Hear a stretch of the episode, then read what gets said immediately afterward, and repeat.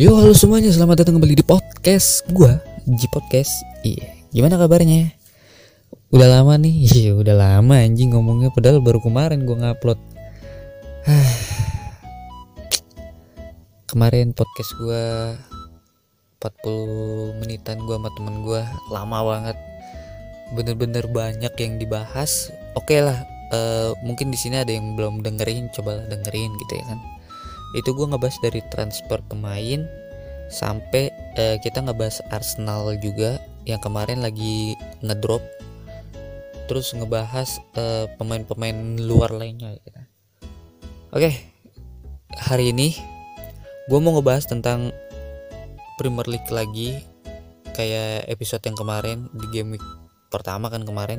Ini game week keduanya gue mau ngebahas yang pertama dari Liverpool versus Burnley Skor 2-0 dicetak oleh Diogo Jota dan Sadio Mane. Permainan apik dari Liverpool membuat dia berhasil menang, gitu kan. Apalagi di kandang dengan penonton yang penuh.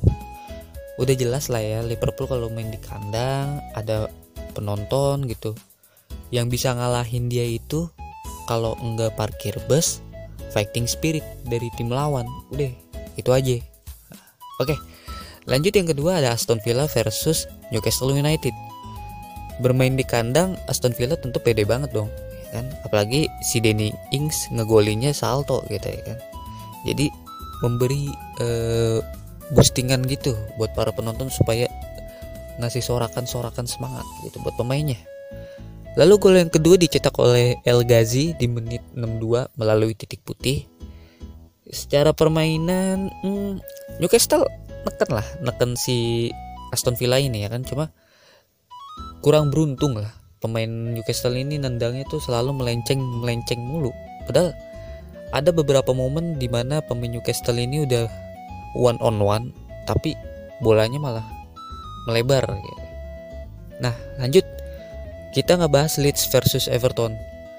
Leeds United harus ditahan imbang oleh Everton 2-2 padahal dari segi permainan Leeds ini sangat menguasai banget Terbukti dari posisinya dia menang 70%. Sementara Everton cuma 30%. Golnya ini dicetak oleh Calvert Lewin dari penalti, lalu dibalas oleh Clinch, lalu dibalas lagi oleh Gray, lalu dibalas lagi oleh Rafael gitu ya kan. Untuk gol-golnya ya mungkin lu bisa ngeliat lah di YouTube, di Instagram, di Line, di Twitter mungkin. Lu bisa lihat dari situ, oke? Okay? kalau gue nih ya ngomongin permainan Leeds United. Dari possession ya udah menang. Nah tapi kalau dari efektivitas kok kenapa lebih efektivitas Everton gitu? Everton emang jarang buat megang bola. Kayak seakan-akan Leeds ini nggak mau Everton megang bola. Nggak dikasih kesempatan lah istilahnya. Dia tahu bahwa Everton bener-bener punya pemain yang sangat hebat punya pemain yang sangat cepat makanya dia berusaha untuk nggak ngasih kesempatan lah buat si Everton ini megang bola. Karena terbukti dari tendangan 17 kali nendang Everton 8 nya on target men. Gila gak lo padahal posisinya kalah loh. Tapi dia bisa ngimbangin. Itulah Everton berbahayanya serangan balik. Tapi Leeds kurang beruntung aja sih kan. nah lanjut di match selanjutnya ada City lawan Norwich. Ini dia yang gue bilang Jack Grealish mainnya bagus banget. Minggu kemarin gue bilang kan dia kayak nggak terlalu impact karena belum terbiasa. Tapi sekarang cetak gol. Gila loh Jack Grealish loh udah cetak gol terus juga uh, megang permainan ya kan? 5 gol ini dicetak oleh Tom Krul ya bunuh diri lah gitu golnya ini.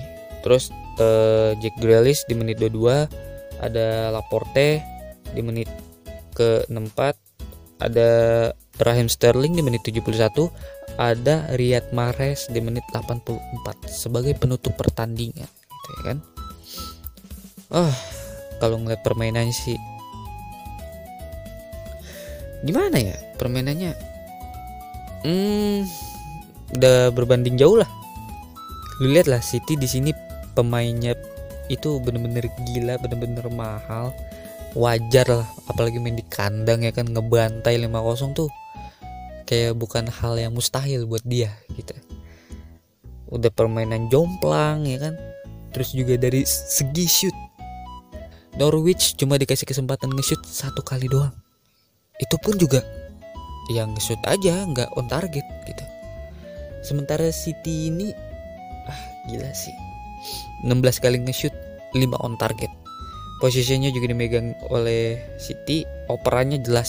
City mainnya tiki taka udahlah nggak usah dibahas City. Udah overpower dia. Bener yang gue bilang loh ya. Di match kedua pasti City lebih gila dari sebelumnya. Terbukti 5-0 nah lanjut ada MU lawan Soton.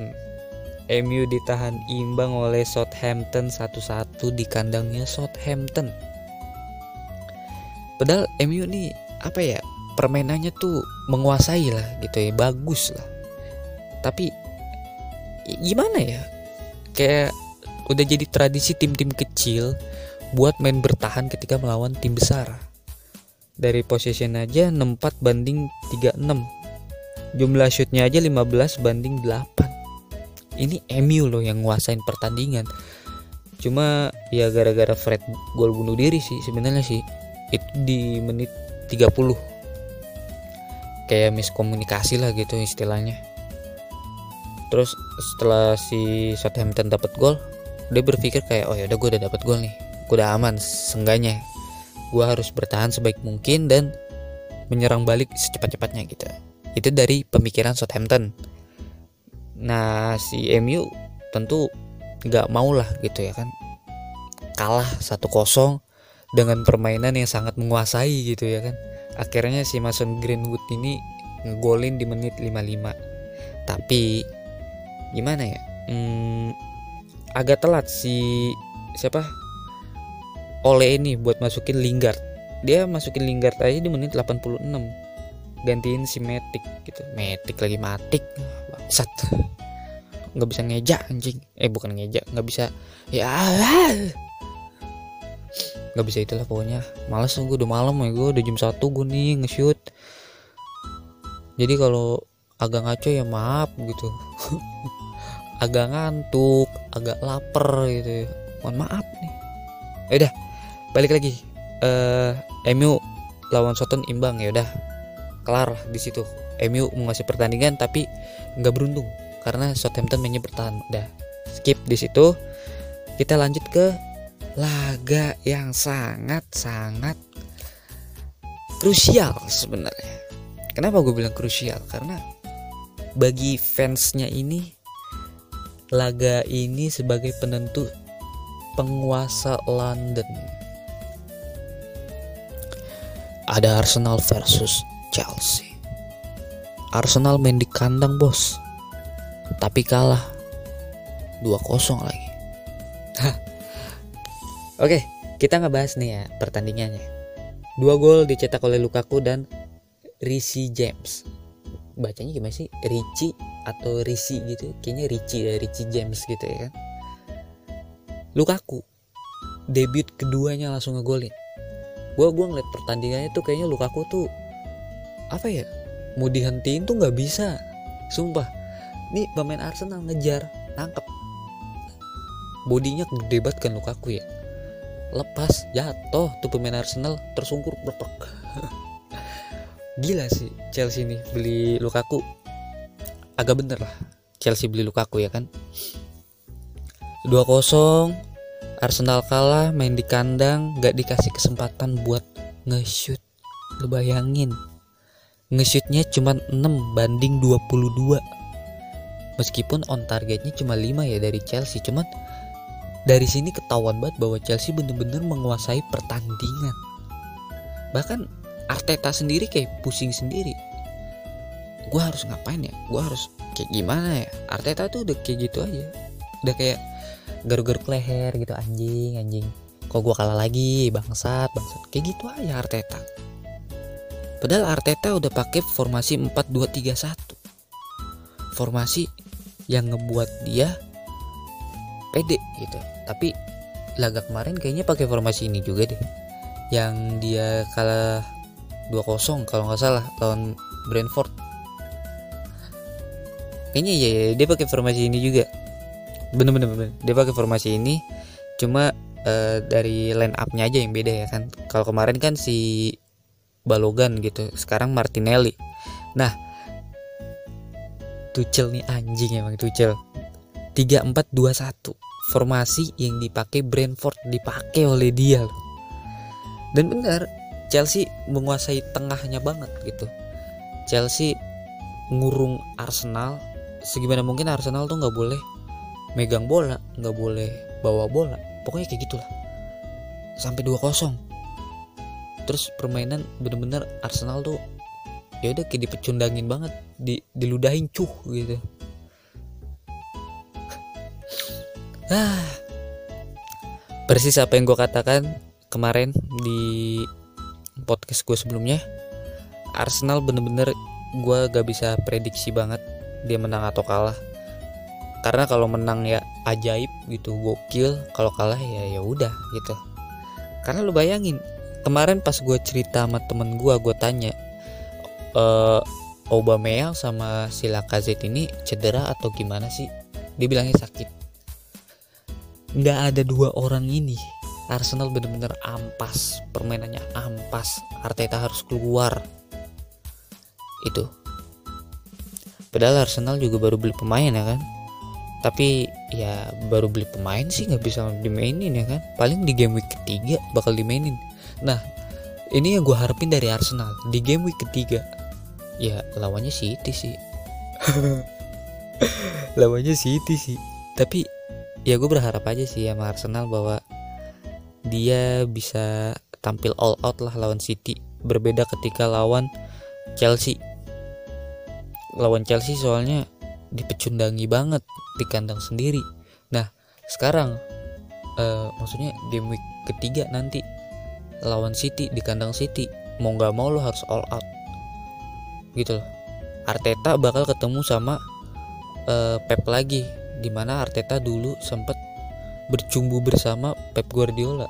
Uh, maksudnya ini bercumbu tuh kayak kerja sama bareng ya kan bukan bercumbu cuman gitu bukan tak lu ngerasa aja lu setang oke okay. uh, eh, mungkin segitu aja dulu uh, podcastnya ya kan. Masih ada satu pertandingan West Ham versus Leicester City cuman itu dia jam 2 sih. Sekarang aja gue syutingnya jam 1 loh. Kelar uh, sekarang jam setengah dua setengah dua. Gue udah ngantuk.